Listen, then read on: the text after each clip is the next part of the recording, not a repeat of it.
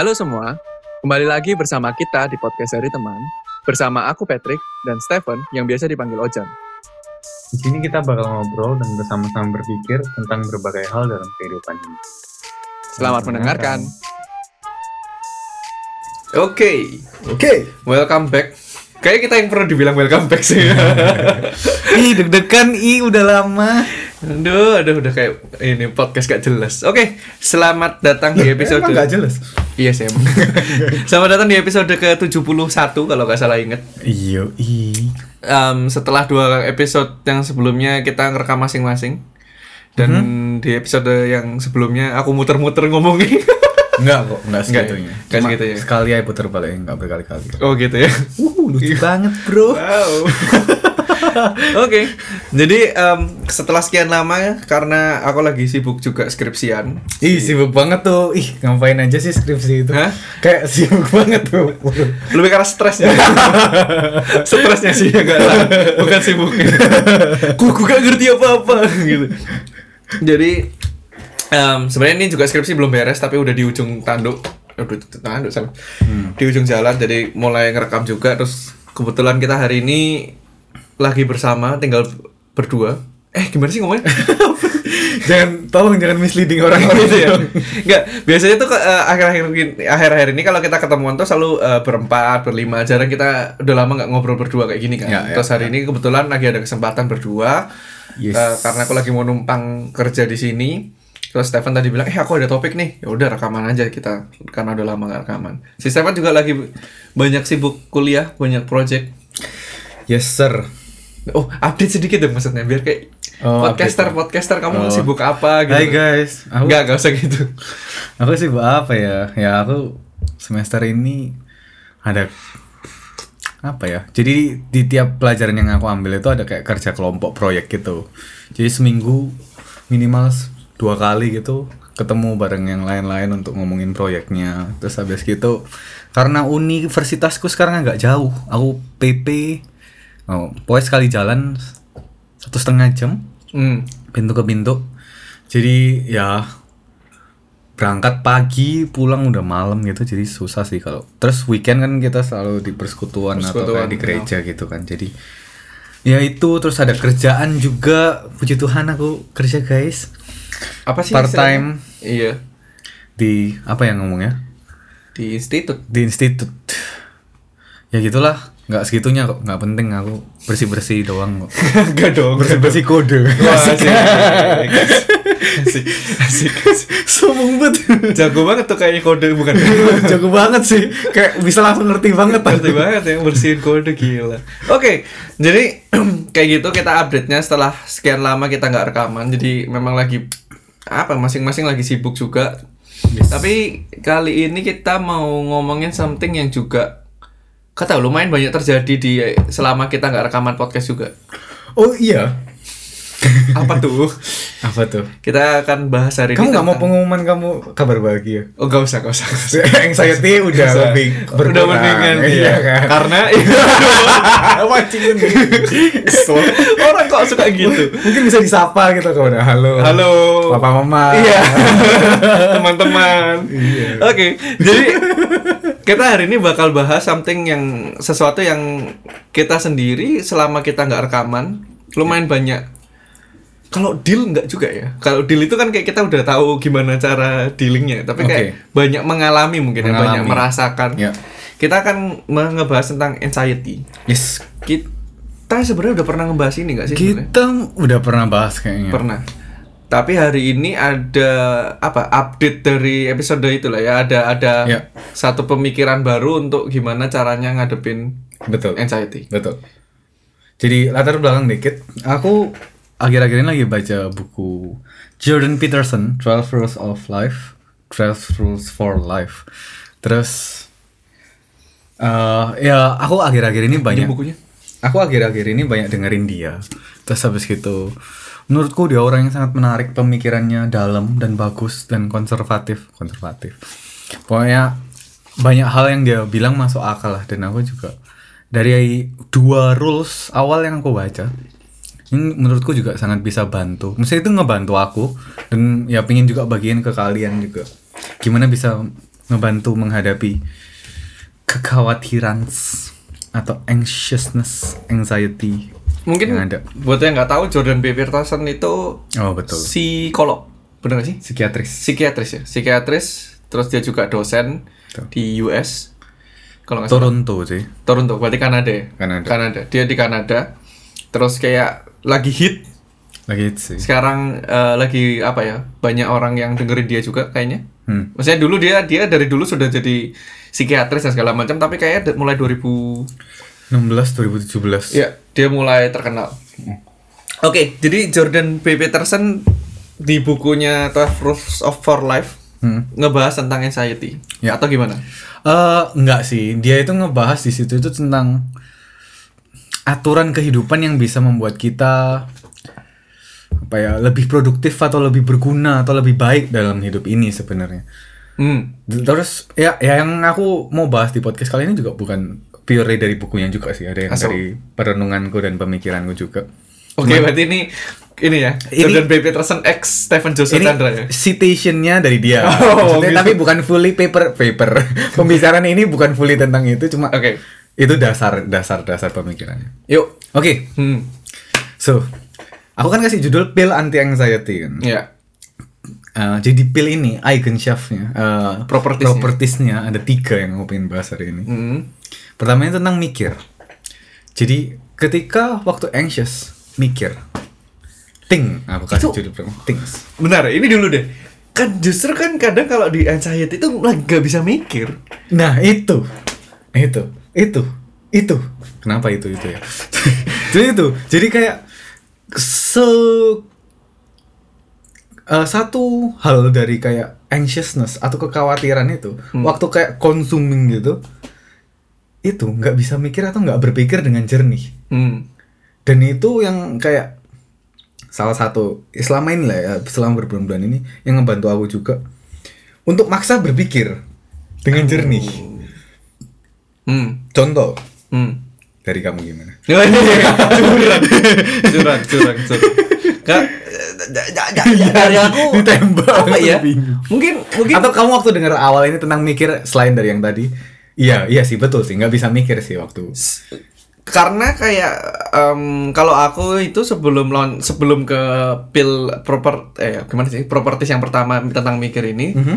kayak ketika aku panik yang paling pertama itu menyadari ada pikiran-pikiran dari kepanikanku itu yang sebenarnya itu eh, nggak penting kayak filtering dulu gitu Hmm. bukan nggak penting sih kayak em, apa ya kayak eh, overthinkingnya gitu jadi kalau selama ini sih kalau misalnya aku kepanik gitu biasanya atau cemas gitu biasanya kan karena besok mau meeting sama supervisor terus aku misalnya eh, proyekku belum berjalan dengan baik gitu kan. Iya. terus biasanya tuh harusnya mungkin cuma berhenti di kayak oh eh, oke aku nggak ker- kerjanya belum oke harus kayak gimana. Tapi kayak oh nanti kalau dimarahin gimana atau apa terus kayak ini aku eh, ka- kalau biasanya itu waktu malam ih aku kayaknya perlu tidurnya lebih dikit deh supaya aku harus kerjanya lebih banyak dan segala macam Ya. jadi kayak terakhir yang aku ini ya itu sih ngelawan pikiran itu dengan kayak oke enggak itu mungkin cuma Ya, betul. gak jelas gue aja gitu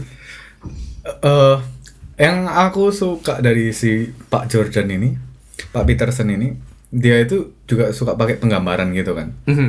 Dan ini yang juga ngebantu aku setelah waktu lihat film itu tuh jadi berbeda juga. Dia suka suka mention tentang film juga atau tentang cerita. Mhm. Dia itu selalu ngomong satu kepanikan atau dia sering ngomongnya tentang chaos lah itu kan kayak ketidakberaturan yang ada, kepanikan yang ada itu. Itu tuh makanya kita kenapa kita itu suka nonton film hero, Mhm. suka nonton film tentang cerita perjalanan. Saya contohnya paling jelas itu kayak Hobbit atau The Lords of the Rings. Wow, referensinya tua banget, Pak. Tua, iya. Gak ada yang lebih muda. Eh, Marvel. Marvel. Ya, Marvel. itu kan lebih mungkin pendengar kita Iya. lebih ngerti. Cuman ya oke. Terus di di cerita itu itu perjalanan ke depannya. Misalnya contoh yang Hobbit lah ya. Hmm. Yang paling jelas.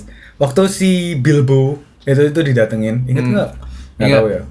Pokoknya pe- pemeran Bilbo- utamanya kan. Iya, Bilbo itu didatengin sama Gandalf. Mau Iya. diajak ini mau berjalan ini. Nah, kekhawatirannya tuh langsung nggak masuk akal. Aduh, Hmm. langsung kayak aduh gini gini gini gini gini. Nah, itu kayak padahal kekhawatirannya itu kekhawatiran yang belum tentu realistis. Ya. sama juga ya sama lah kayak misalnya kan typical story kalau yang film-film ya selalu gitu kan kayak perkenalan karakter awal-awal terus tek ada masalah gitu kan Ya. nah itu tapi sering kali itu susah atau yang dipikirin bayangannya itu nggak nggak jernih gitu Hmm. dan poin pertama ini yaitu dari yang berpikir itu berpikir apa terus dari high resolution ke low resolution Gimana tuh? pertama hai kan Iya. Hai. halo Aduh serius. Hai. resolution kan Heeh. dari reso Apa nih arahnya? Arahnya apa nih? sama ada Lucian kan Apa sih? Ayo lanjut. Ini kasihan yang dengerin. jelasin trik kamu kan emangmu tentang foto-foto gitu kan Jadi- foto-foto yang kurang bener eh Ya. kurang maksudnya foto yang Ya kurang bener sih sebenarnya. Cuma kayak konotasinya jangan jangan. kayak bed- yang bedain satu gambar tuh high resolution atau low resolution tuh sebenarnya jumlah pixel di Betul. dalam di dalam ini. pixel apa mungkin nggak semua yang dengar tahu pixel Gampangannya gini, kalau kalian punya eh, frame 10 kali 10 figura figura 10 kali 10. Nah, kalau high resolution di dalam 10 kali 10 itu ada 200 kotak kecil.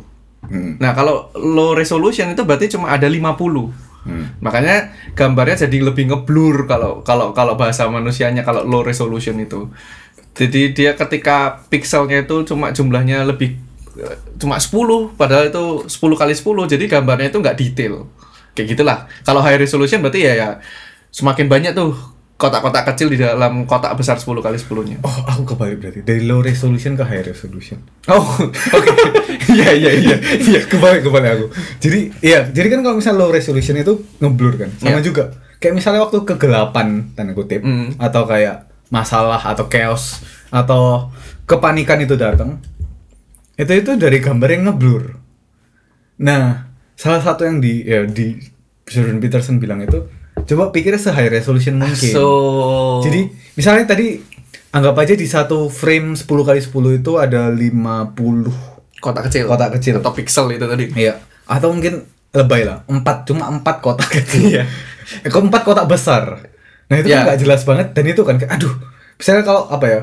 Anggap aja kegelapan itu ah, kegelapan kayak ya apa ya? Hmm. Ke ke gak jelasan. Ke nggak jelasan itu ada. Kan itu kan ih apa ya ini kayak misalnya pakai contoh tadi eh, proyek mungkin kurang relate apa ya?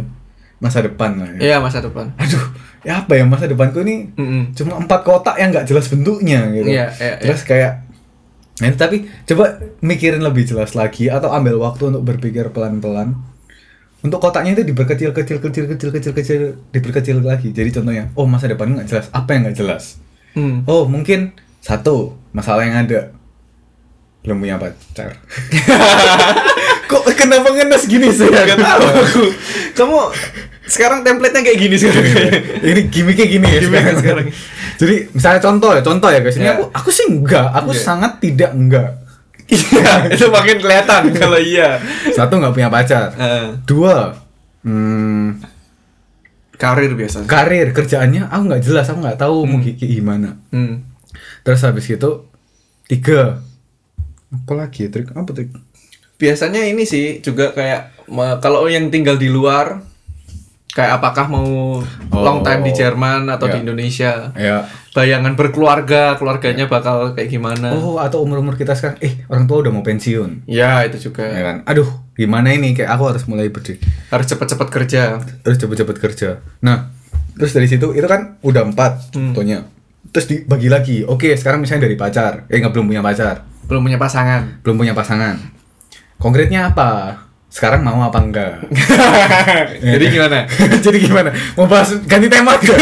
Aku sih gini sih sebenarnya. Jadi itu yang bikin anxiety ya selama ini ya? Iya, iya enggak.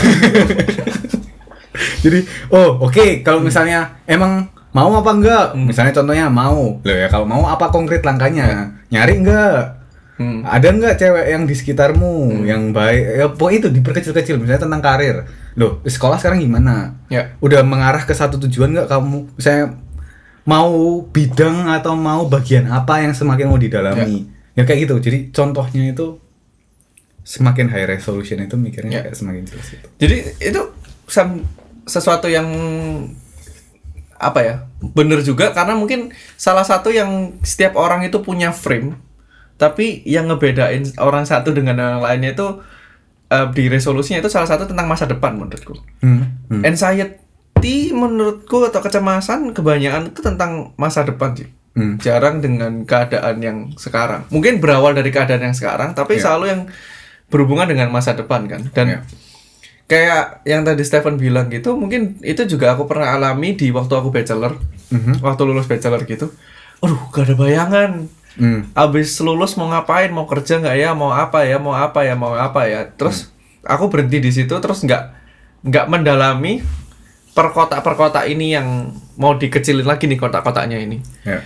dan itu mungkin juga salah satu ah nggak tahu sih ini apa berhubungan atau enggak tapi yang aku selalu yang aku belajar dari kan tesisku tentang gambar-gambar gitu kan. Ya. salah satu yang paling penting itu ketika mau nunjukin gambar itu kadang-kadang itu ada namanya dead pixel. Pixel yang emang Nggak. ya udah nggak bisa diapa-apain. Dan itu harus di remove supaya gambarnya itu lebih lebih jelas. Dan mungkin itu juga di dalam hal ini Ya. ketika kita berpikir akhirnya kita tahu mana pikiran-pikiran kita yang emang nggak bisa dipikirin sekarang. Hmm.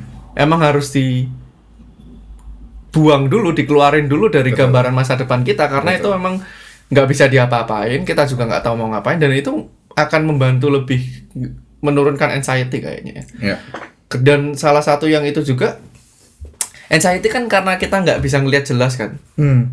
Em, ketika mungkin punya high resolution itu kita juga lebih nemu kali apa sebenarnya akar terbesar dari yang kita tuh Betul. takut itu Betul betul. It- itu juga yang dibahas juga misalnya dari mikir ini, yang misalnya dari tadi yang meta-metain atau semakin ngecil-ngecil masanya itu juga naming the problem gitu atau memberi nama kegelapan atau keka- ketakutan apa yang ditakuti itu. Hmm. Karena contohnya baik lagi dari cerita tadi. Susah buat kita, kit- kalau kita ngelawan, kita nggak tahu kita ngelawan apa. ah benar Jadi, Ya.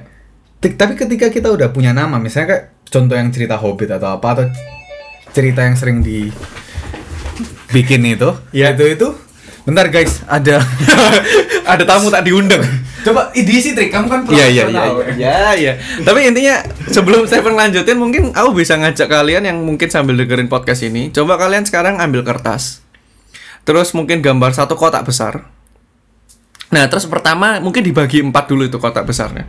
Nah, di situ kalian mungkin bisa ngebayangin dulu em, di kotak itu apa yang paling kalian bikin khawatir sampai sekarang. Misalnya karir di kotak besar pertama, di kotak yang pertama, kedua misalnya percintaan, ketiga keluarga, keempat misalnya keuangan.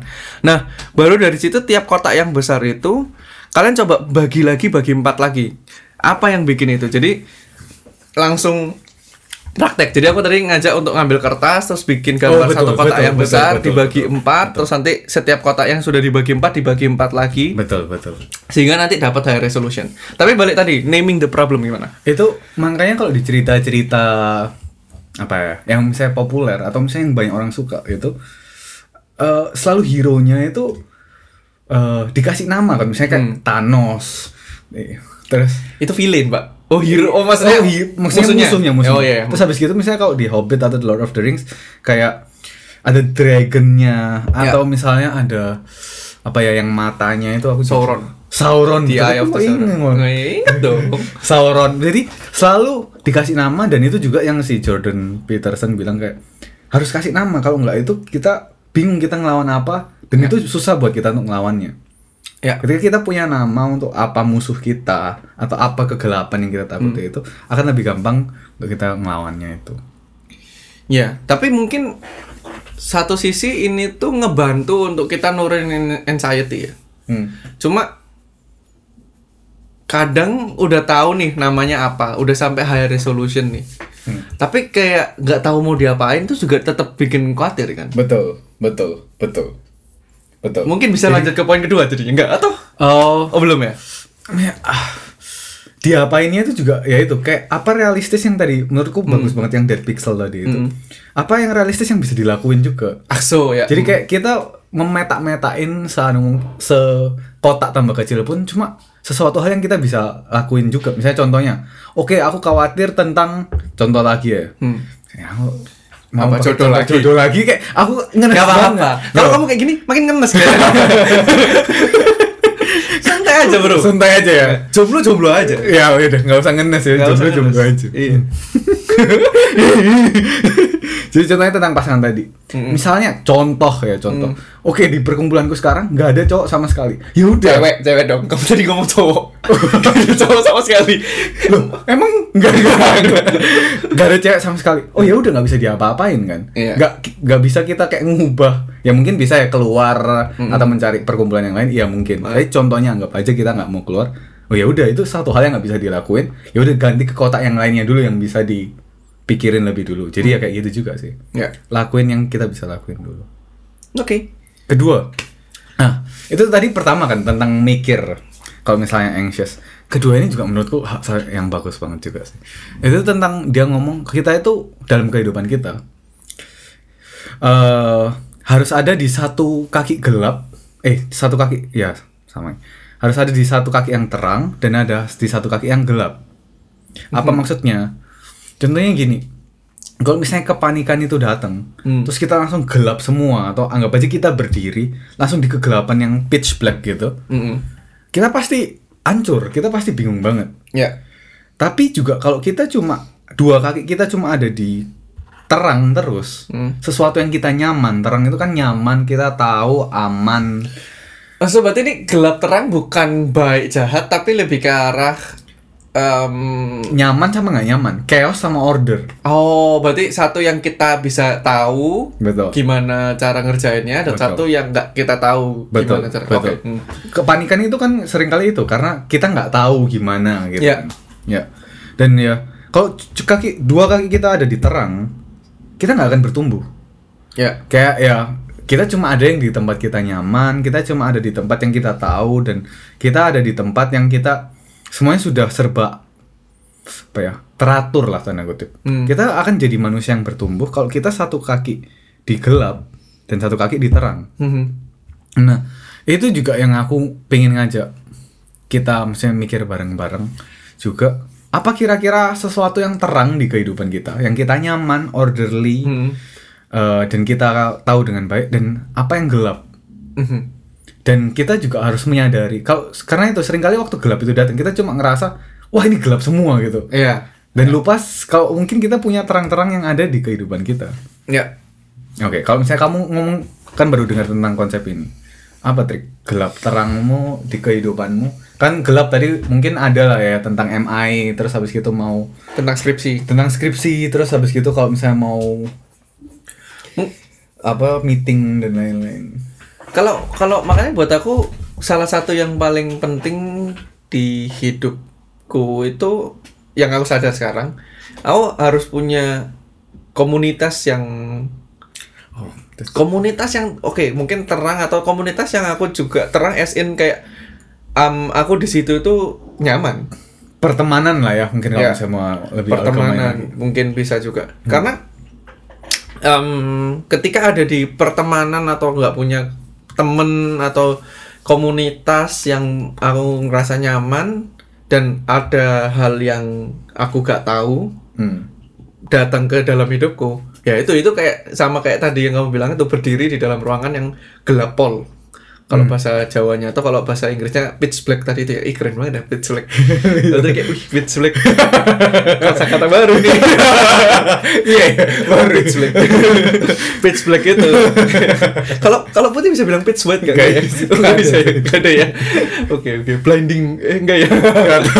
Oke tapi kayak intinya makanya sekarang ketika kayak em, skripsian itu memang berat. Tapi kayak misalnya punya teman yang kayak aku sekarang kan sering kerja nggak di rumah kan ker- di tempat ada sih sebenarnya Jordi di tempat Stefan malah malah baru sekarang. Hmm. atau di tempat ada yang Wiryanto namanya kayak gitu itu lebih enak aja sih. Hmm. karena paniknya lebih berkurang karena aku tahu ada di situasi atau di lingkungan yang aku juga nyaman. Jadi kayak maju mau maju di per- perang gitu tuh enak gitu. Kayak mungkin kalau bayanginnya tuh kalau kayak mau maju perang terus kayak lihat samping kiri kanan tuh oh ada teman-temannya tuh jadi kayak Hmm. lebih, Lebih ada takutnya berani. tapi tetap berani karena teman-temannya maju juga gitu kayak gitu mungkin kalau aku ngeliatnya Hmm. ngertinya ya Ya. Ya. itu juga sih kayak karena oh nggak tahu ya setiap dari orang-orang mungkin terangnya Beda-beda. beda-beda terus tapi untuk nyadari itu sih misalnya contohnya mungkin keluarga Hmm. di mana ya mungkin ada yang keluarga itu jadi terangnya ada ada yang jadi gelapnya cuman ya contohnya Kita ambil yang sisi satunya ya, yang bagus. mungkin kan ada kekeosan yang di keluarga juga kan Iya. tapi anggap aja mungkin keluarga atau ya tadi kayak teman atau apa pun itu harus ada ini juga yang dia si Jordan Peterson ngomong juga tentang habits makanya Hmm. kenapa orang itu perlu punya rutinitas yang dia kayak kira-kira tahu seharian atau kira-kira tahu dia bakal ngapain. Contohnya lah ya. Hmm. pagi-pagi jogging. Wah, ideal banget. Atau contohnya eh, sesuatu yang sehat ya tapi ini ya. Bukan kayak oke tiap pagi aku narkoba gitu. Itu bukan rutinitas yang yang mendukung Rutin ya. sih, cuma bukan yang dimaksud. Iya bukan yang dimaksud. Kan order ya maksudnya terang. Terus atau misalnya tiap malam aku baca buku. Kayak eh, satu kebiasaan atau satu orderly itu itu ngebantu juga meskipun harinya chaos atau meskipun ada masalah apa pun itu kalau kita punya rutinitas yang tetap atau punya hal yang kita bisa tahu itu tuh tanda kutip pasti ya nggak mungkin pasti juga Hmm. cuma kemungkinan besar pasti order Hmm. itu kita bisa ke sana gitu Ya. kalau misalnya buat aku Mhm. paling nggak akhir-akhir ini yang menjaga atau yang aku tahu terang di, di hidupku keluarga pasti ya ma halo mama papa selain di keluarga biar kayak promosinya tuh cinta keluarga gitu Gitu ya. Lagi nyari banget ya emang ini ya. Segitunya ya. image-nya tuh beda kayak lelaki yang cinta keluarga gitu Iya, iya. Ya, yuk lanjut. Gimana tadi rutinnya? kenapa kamu kayak gini sih Gak tahu.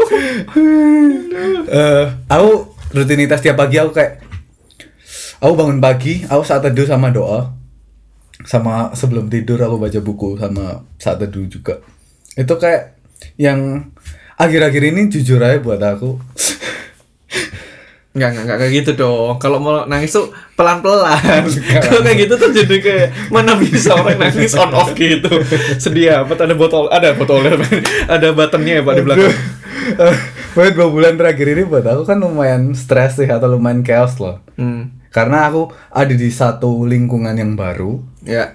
ada di satu keadaan yang benar-benar baru dan semua itu kayak tadi banyak hal yang aku nggak ketahui tapi gara-gara aku tiap pagi eh, doa saat teduh dan malam itu juga itu meskipun nggak menghilangkan anxiety-nya ya atau nggak menghilangkan kekhawatirannya tapi paling nggak itu itu mengurangi lah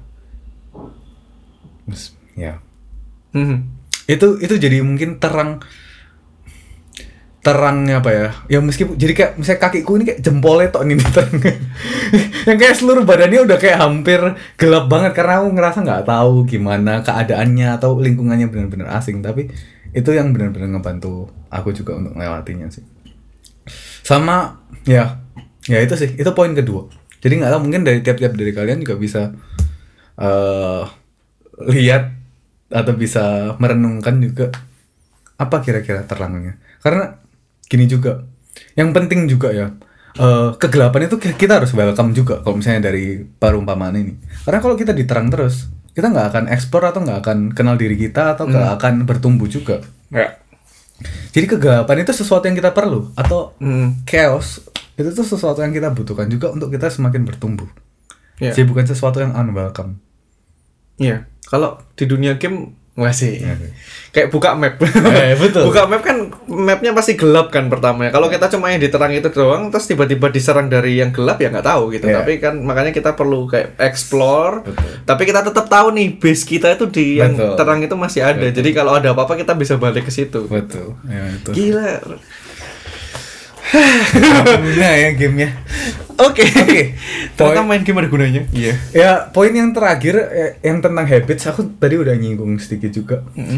Tapi itu juga kayak tadi, eh, kehidupan kita yang berjalan ini Mhm. tambah baik atau nggak tambah baiknya itu dari hal-hal kecil yang kita lakuin di dalam hidup kita. Ya. Terus property spill yang terakhir ini juga men- yang ketiga itu lihat resolusi yang tadi yang semakin tinggi itu semakin jelas di hidup kita apa hal yang kita lakuin ke kita itu yang berdampak positif atau negatif. Oke, aku bilang. Jadi gini guys, ada namanya control system kan. Jadi apa control system itu bahasa Indonesia apa ya? Ya, ya, Sistem ya sistem kontrol. Gak ada lagi, Pak. Jadi kalau misalnya di satu sistem itu eh kebanyakan sistem itu kalau nggak ada negatif feedbacknya, jadi kayak Hmm. yang kembali jadi gini kan kita punya eh, sesuatu hal yang kita pengen atur yaitu hidup kita dan kita itu harus sadar kalau hidup kita kalau kita nggak ngapa-ngapain itu tuh tambah hancur sesuatu hal yang untuk paling gampang untuk menghancurkan hidup kita kalau kita nggak ngapa-ngapain Pantesan aku tahun lalu hancur. Masuk akal. itu kenapa tahun lalu saya hancur? Karena emang Karena nggak ngapain. Karena jadi nggak ada misalnya kalau di hidup kalau misalnya bayangin grafik gitu ya nggak ada kita itu stagnan jadi nggak ada garis lurus. Kalau kita diam itu tuh pasti turun ke bawah. Contohnya kamar. Kalau kamar nggak diapa-apain itu tuh bukan kamarnya tetap kayak gitu tapi tambah lama kan tambah berdebu terus barang-barangnya juga tambah rusak Oh iya, Nggak, ya. debu ya. Iya iya debu debu debu.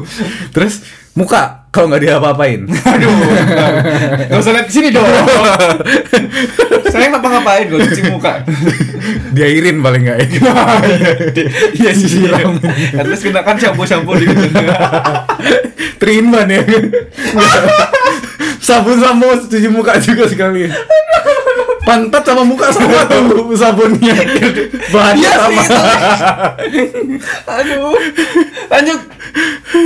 Kalau gak Terus- diapa-apain turun. ya jadi kalau misalnya kayak apa ya ngomongnya swingung itu apa ya Em, apa apa apa apa, apa, naik turun. Apa ini? apa ya? Swingung em, Eh, ya swingung dulu nanti aku cariin. eh, apa ya Bergelombang eh. gelombang gelombang ya pendulum bukan bukan sih pendulum Bentar, si, si, kasih waktu kita 5 detik sambil kalian juga bernafas dulu guys. Nggak ada hubungannya sebenarnya ini lebih ke arah kita nggak nggak ini. Apa ya swingungnya? Bahasa Indonesia. Apa ya? Pokoknya sinus itu eh, gelombang sih ya. Gelombang. Getaran. Oh, Kayak getaran. Bukan getaran gitu. Oke lah, anggap aja anggap aja Osil osilasi. ah osilasi os, osilasi sih betul. Osilasi. Gila, bahasanya tingkat tinggi. Jadi kayak kalau misalnya ah, kalau sinus eh, mungkin buat yang nggak tahu sinus grafiknya gimana itu kayak hidung. Lu jadi soket. Aduh. Jadi kan kayak eh, misalnya satu garis itu kayak naik turun naik turun naik turun gitu. Tapi naik turunnya bukan kasar kayak kasar patah asik kasar patah. Tapi kayak lebih halus gitu naik turun naik turun. Hmm. Kalau kita nggak ngapa-ngapain, naik turunnya itu tambah gede. Jadi Ya. kayak kalau misalnya ngomong-ngomong tentang chaos itu tambah chaos kalau kita nggak ngapa nggak ngapa-ngapain. Nah, Nah, kalau misalnya dikontrol balik ke yang sistem kontrol tadi itu, nah itu kan eh, output dari hidup kita, yaitu kehidupan. Nah, kita bisa lihat dari kehidupan yang ada, itu tuh ada kayak namanya kayak ditarik garis, terus feedbacknya untuk masukin ke inputnya lagi, atau kayak ditambah atau dikurangi. Duh, susah ya kan? Aku, mau gambar, guys. Coba dengerin ya ini. Gak bisa. Tapi tapi intinya Ini kayak apa ya trik supaya aku nggak jelas ya dari tadi ngomong sorry ya guys.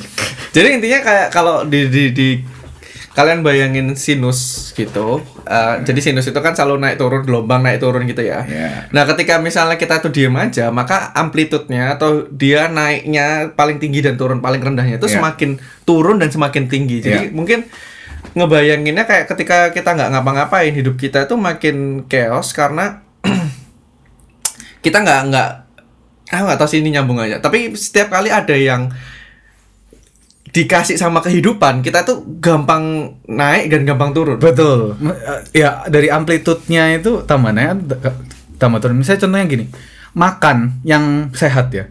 Itu itu mengecilkan aduh bahasanya terlalu bingung nih kayak amplitude Nggak apa-apa, ini kita tambah mengecilkan eh, gelombang sinusnya itu gara-gara misalnya kalau makan yang benar karena semakin makan yang benar kehidupan kita juga semakin baik atau kita bisa mempunyai tenaga untuk menghadapi kehidupan yang seharusnya atau melakukan pekerjaan yang seharusnya kita lakukan. ya Tapi contoh lagi, makan terlalu banyak.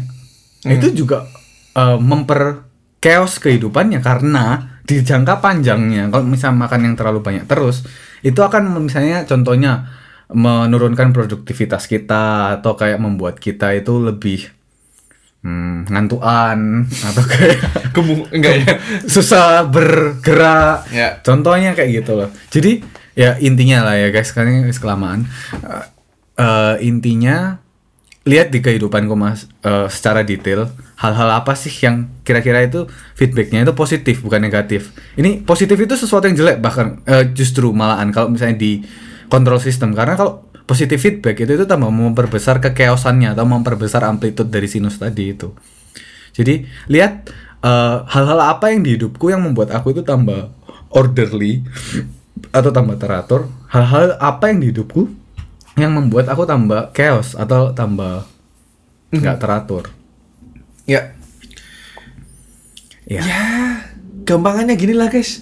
Kalau kalian biasanya nggak punya, aku mungkin bahasa lainnya kayak self control juga. Jadi ketika ada kejadian apa pun yang di dalam kehidupan kalian, terus kalian gampang happy dan satu sisi juga gampang jadi em, apa devastated atau sedih banget. Itu tuh menunjukkan bahwa kita tuh hidup kita itu sebenarnya kita tuh nggak bener-bener stabil. Hmm. Karena apa yang terjadi di luar kita itu berpengaruh banget sama hidup kita. Nah, makanya itu kita perlu punya sistem di dalam kehidupan kita yang yang teratur sehingga apa yang terjadi di luar itu kita bisa pikirin bener-bener. Hmm. Jadi kalau kita nggak punya sistem yang di dalamnya, maka apa yang terjadi di luar kita itu ya udah masuk seapa adanya seperti itu gitu.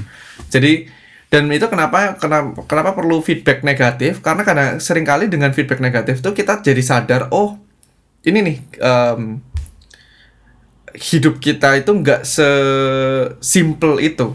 Hmm. Ada banyak hal yang harus lebih dipikirin lagi, banyak hal lagi yang harus diperbaiki lagi kayak gitu. Hmm. Terus Yang terakhir susah banget ya ini ngejelasinnya ya.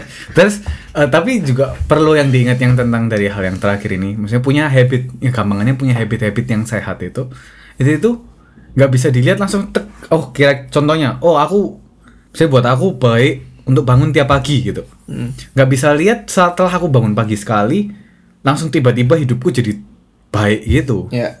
karena satu hal yang dia bilang juga ini tuh ya contohnya mungkin kayak sn- snowball effect lah. Mm-mm. Jadi eh mungkin waktu nah susah juga ya kalau misalnya ngomongnya snowball ya. Oh, misalnya kayak waktu saljunya muter awal-awal itu kan masih kecil kan. Hmm. Jadi kayak nggak terlalu kelihatan. Hmm. Misalnya contohnya kalau aku mulai contohnya kayak tadi bangun tiap pagi dan habis gitu aku doa atau aku saat teduh.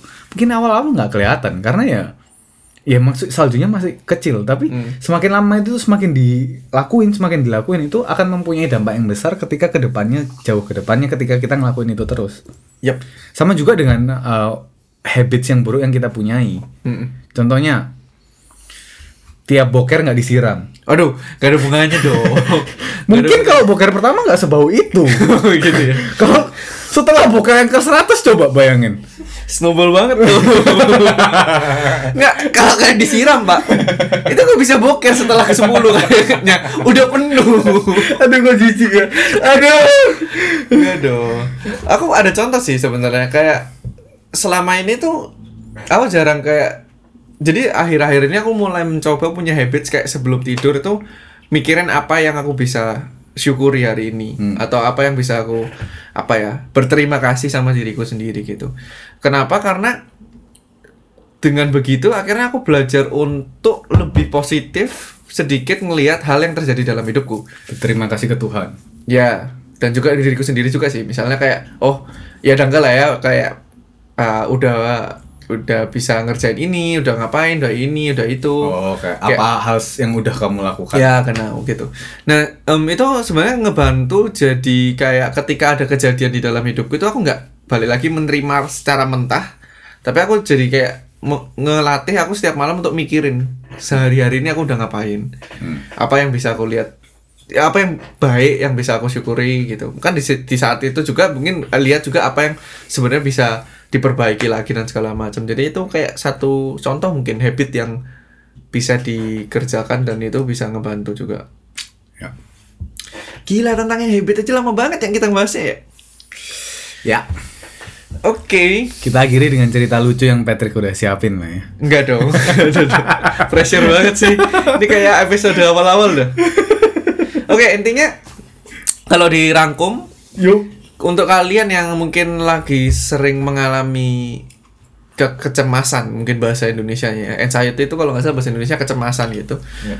Em, yang paling pertama itu coba bener-bener ambil waktu ketika kalian lagi cemas eh, tenangin diri sebentar dan mulai coba peta-petain lagi lebih kecil apa yang kalian takutin Hmm. jadi kalian tahu apa yang real apa yang sebenarnya nggak real atau apa yang bisa dikerjakan apa yang emang ya harus dikesampingkan dahulu gitu Hmm. Terus yang kedua itu kalau kalian sekarang belum nemu kalian terang kalian di mana, yaitu mulai cari kalian terang kalian di mana di tempat kalian bisa nyaman, di tempat kalian bisa beroleh punya apa ya, punya ketenangan juga kali ya. Iya betul. Ketenangan, keteraturan dan Dan dari situ ketika ada hal yang gelap yang muncul di dalam hidup kalian yang dikasih sama Tuhan, maka kalian juga tahu gimana harus maju gitu. Karena kalian tahu ada support system kalian yang terang itu kalian punya.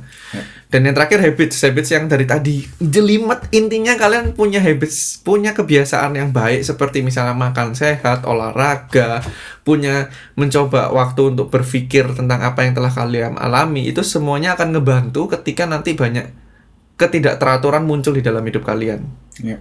Dan terakhir aku merasa hal yang nggak pasti itu selalu ada, Betul. nggak mungkin nggak ada. Betul. Makanya kalau kalian sekarang bisa mulai menyelesaikan masalah anxiety ini, menurutku akan lebih bikin tenang juga kehidupan kalian ke depannya. Karena ketidakjelasan itu akan selalu ada. Eh, menurutku untuk bisa punya hidup yang less anxious Hmm. atau lebih nggak cemas, lebih nggak khawatir itu tuh kok punya ekspektasi yang juga lebih betul. Dan kalau kita berekspektasi hidup itu baik-baik aja, itu tuh salah pol. Karena hidup itu akan semakin nggak baik-baik.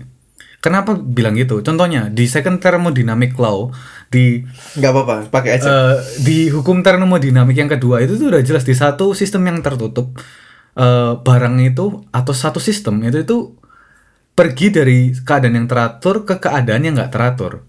Kayak tadi contohnya pakai kamar atau apa pun itu, jadi kita bisa lihat kalau misalnya dalam kehidupan ini tuh makin banyak sesuatu hal itu pasti yang kita nggak ketahui, sesuatu hal yang membuat kita cemas dan sesuatu hal yang membuat kita sedih atau apa pun itu. Mhm. Jadi ketika kita berekspektasi kalau hidup itu akan tambah baik-baik aja, kalau kita nggak ngapa-ngapain itu tuh nggak mungkin terjadi. Yap. Jadi punya, jadi ketika waktu ada masalah itu tuh bukan sesuatu hal yang harus dikagetin. Oh itu juga yang menurutku si Jordan Peterson bagus banget. Atau oh iya iya aku waktu baca itu dia bilang gini, kalau semuanya itu nggak ada apa-apa atau baik-baik, itu tuh yang harusnya kita itu kaget. Karena seharusnya semuanya itu tambah hancur. Hmm. Ya. Dan itu pandangan kehidupan itu itu juga ketika misalnya sekarang teman-teman yang masih punya kerja, masih keluarganya masih baik-baik aja atau kayak eh, kehidupannya masih nyaman-nyaman aja. Itu sesuatu hal yang patut disyukuri loh karena kehidupan itu seharusnya nggak kayak gitu gitu. Yap. Iya. Yap, yap. Tapi balik lagi sih. Ini dari kita ngomongin tentang tiga hal ini ngomongnya gampang ya. Cuman kayak waktu ngejalani juga belum tentu kita ngelakuin benar-benar kan. Tapi ya kita semua di sini nggak di sendiri sih ngejalanin hidup yang nggak gampang ini. Asik. Asik. Ada hotline ya yang ini apa sih ini atau gimana nih? Kayak very relatable gitu loh. kayak tenang guys, kita kamu nggak sendiri kok ngejalanin itu. Oke. Nggak sendiri. Ya. Apa nih arahnya ke mana?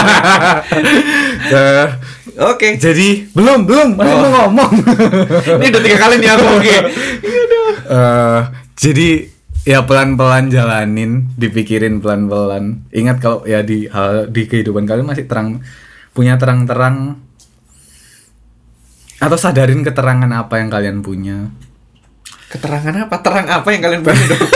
Keterangan waktu. Keterangan Udah deh, tempat. jangan di point out gitu deh. Habis sosok sosok sosok inspired.